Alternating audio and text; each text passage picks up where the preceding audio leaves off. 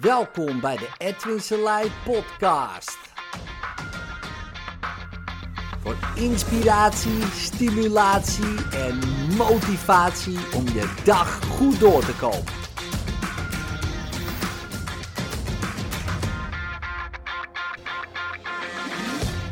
Wat is het probleem waar je doorheen gaat werken? Dat is een interessante vraag, want op het moment dat je daar antwoord op geeft, geef je ook uh, antwoord op allerlei vooronderstellingen, of neem je eigenlijk allerlei vooronderstellingen aan. dat er een probleem überhaupt is, uh, maar dat hij er op een gegeven moment dus niet meer is, want je gaat er doorheen werken. En uh, als je er doorheen bent, is het dus weg. En er zitten heel veel vooronderstellingen in. En dat ga jij doen. Uh, want jij gaat werken ook. dus en dan zeg je, nou, ik wil dit en dit, ik wil hier doorheen werken. Nou, een paar van, waar zullen we aan werken? Want je, je kan wel, kijk, aan een beeld kan je wel eeuwen blijven werken. En je, blijft, je kan er steeds aan gaan werken aan dat probleem. Maar wanneer je er doorheen bent, ja, dan ligt het als het ware achter je, weet je. Het is, het is weg, het is, je bent er doorheen. Je hoeft er niet meer aan te gaan werken. Uh, het zijn allerlei uh, interessante vragen die je dan uh, kan toevoegen natuurlijk in een sessie, waardoor het, het, resultaat ook vaak weer wat sneller gaat. Dan de tweede vraag, wat zou je willen? En het interessante is, mensen weten vaak heel goed wat ze niet willen. Ik wil niet meer bang zijn in een vliegtuig. Ik wil geen depressie. Ik wil geen angst. Ik wil geen puntje, puntje, puntje. En het lijkt heel logisch hè, dat ze dat zeggen. Alleen ja, om die zin te begrijpen, bijvoorbeeld geen angst in een vliegtuig, moet ik denken aan angst en een vliegtuig. En dan koppel ik die aan elkaar.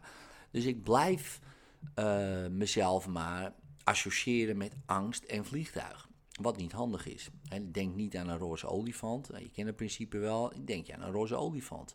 En want om die zin te begrijpen, moet je wel denken aan een roze olifant. Je moet daar iets mee gaan doen. Dus veel handiger is het, wat wil je wel?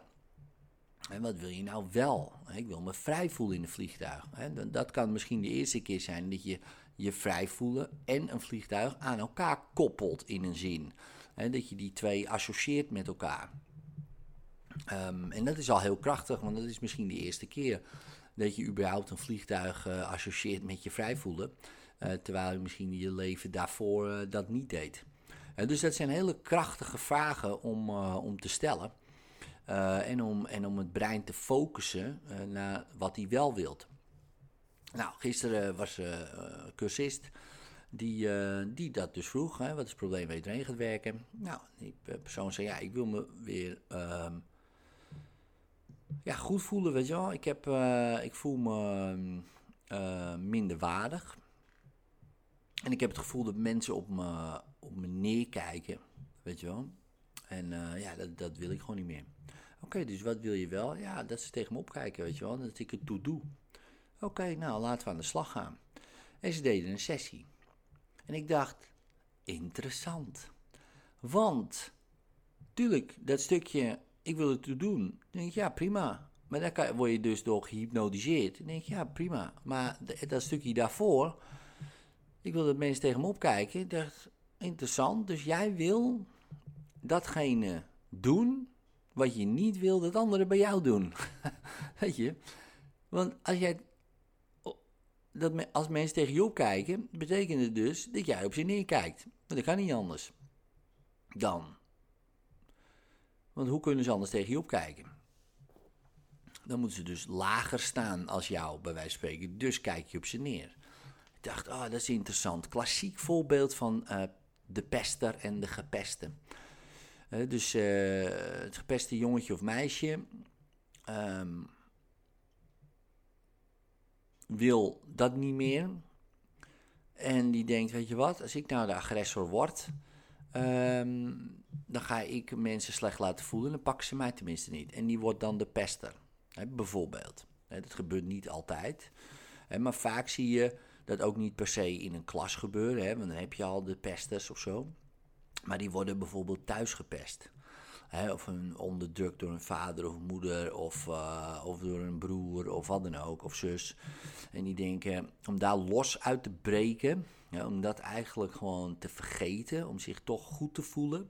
hebben ze opeens een manier ontdekt. hey, wacht eens even, als ik nou gewoon iemand in elkaar ros en onderdruk uh, en uit lachen, dan word ik niet uitgelachen en onderdrukt. Net als wat er bij mij thuis gebeurt. Ja, om dat van zich af uh, te rossen. Nu is dat natuurlijk een hele slechte strategie. je, ziet het, uh, je ziet het vaak gebeuren. En ja, dan is er één jongetje of meisje is daar het slachtoffer van. Maar in wezen hebben we twee slachtoffers.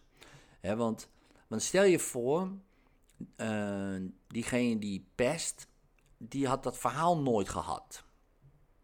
En die was nooit onderdrukt thuis. Die had, geen, had een prima jeugd. Die had gewoon eh, liefde. Weet je, gewoon goed. Hè? Dat is natuurlijk heel subjectief, hè? maar gewoon een prima, prima jeugd. Zou je die dat nou nog steeds doen? Het antwoord is zeer waarschijnlijk nee. Nou heb je natuurlijk altijd van die uh, mensen erbij die het leuk vinden, maar die zijn er echt heel weinig. Ja, die kom je bijna nooit tegen, die moedwillig mensen pijn doen, omdat ze dat leuk vinden of zo. Uh, want ook daar zit vaak een verhaal achter. En als ze dat niet hadden gehad, dan uh, hadden ze dat waarschijnlijk ook niet gedaan. Er zijn genoeg voorbeelden van.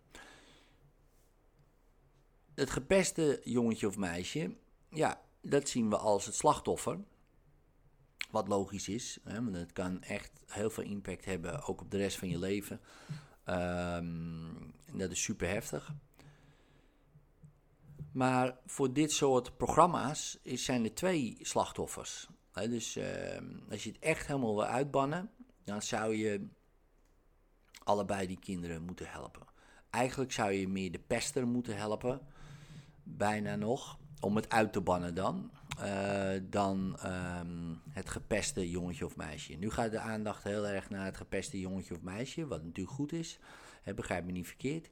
Maar de pester zou eigenlijk uh, nog meer aandacht moeten krijgen op een positieve manier om dat verhaal op te lossen van hem, van hem of haar, zodat hij niet meer doet. En als we die, als we zeg maar de agressor eruit halen, ja, dan worden er minder slachtoffers zeg maar gemaakt, zou je kunnen zeggen. Dat, is, dat is in wezen een veel betere strategie dan om alleen maar de slachtoffers te behandelen en de agressor als het ware te straffen en intact te laten, waardoor hij alleen maar denkt, ja zie je wel, ik word hiervoor gestraft, voel ik me nog shit, dan moet ik nog harder terugslaan. dat is vaak niet per se de meest handige strategie. Het mooie of het interessante is bij de sessie uh, die die cursist deed, is ondanks dat ze gehypnotiseerd was door het feit dat, dat hij zei van ja, ik wil het toe doen. Denk ja, prima, hè, lijkt me logisch. En dat andere stukje een beetje had gemist. Gingen we met hypnose in de regressie terug naar het allereerste moment dat het ontstond. Loste op, groeide op. En wat gebeurde er? En dat is wel interessant. Hij voelde zich prima. Hij voelde, zich, hij voelde niet dat hij op mensen neerkeek. Hij voelde ook niet dat mensen tegen hem opkeken. Hij voelde zich opeens gelijkwaardig. En dat is, vind ik, heel interessant. Want bewust wilde niet uh, dat mensen tegen hem opkeken, maar vanuit welk gevoel? Vanuit het gevoel van minderwaardigheid. Maar Steve had het gevoel niet gehad. Wat wil hij dan? Iets heel anders. Kijk, als ik heel bang ben en je vraagt aan mij wat wil ik, nou dan geef ik daar een antwoord op. Als ik me heel vrij voel en, ik, en je vraagt aan mij wat wil ik, geef ik een heel ander antwoord. dus we kunnen wel uh, luisteren naar wat iemand bewust wil. Dan denk ik, ja, we nemen dat ter kennisgeving aan. Maar waarschijnlijk is dat niet uh, wat er echt nodig is. Dat is een groot verschil. Dus bewust zeggen ze, ja, dit wil ik graag dit wil ik. Misschien komt het zelfs uit een, een, een onbewust antwoord. Van plop, het vloept er gewoon uit. Ja, dit wil ik, weet je wel. Ik wil gewoon dat mensen een keer tegen mij opkijken, weet je wel. Zo. Een onbewuste drang naar erkenning. Ook onbewust. Maar opeens is het verhaal anders. Het verhaal is weg. Het is opgelost. Alsof het nooit is gebeurd. En nou, wat wil je nu? Een hap. Komt een heel ander antwoord. En dat vind ik het mooie met hypnose in dat soort technieken. dus jij zegt: Dit wil ik. We doen een techniek. En je krijgt niet per se wat je wil, maar je krijgt wat je nodig hebt. En dat is dan ook wat je wil. Dat vind ik zo interessant. Dat je dus jezelf eh, heel goed kan helpen met natuurlijk de juiste persoon daarbij. Dat die procedure, dat die techniek zo goed werkt, dat maakt niet uit wat je zegt, wat je wil. Je krijgt gewoon precies wat je nodig hebt. En als ik, denk, als ik kijk naar bijvoorbeeld, als ik dan weer kijk naar die pesters en het gepeste jongetje of meisje. Stel je voor, we zouden bij die personen die verhalen weghalen, of tenminste neutraliseren, niet weghalen. Hè. Je, weet je, wie ben je? Ik heb geen idee wie ik ben, weet je wel.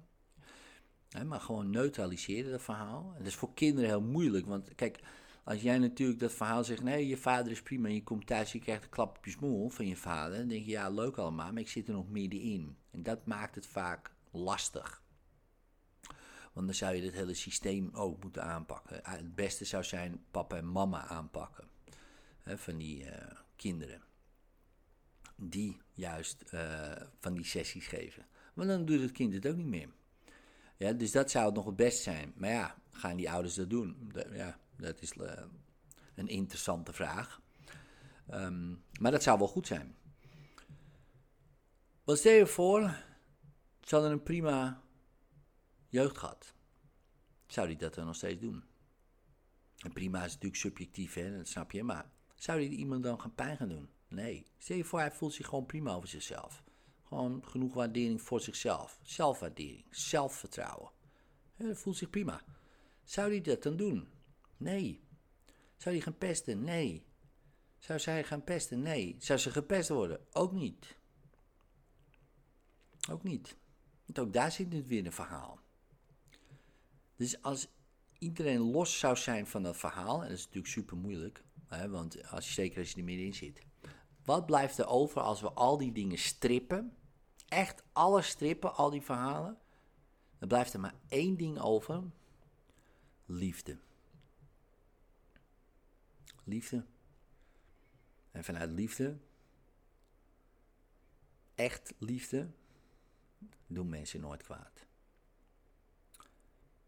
Later.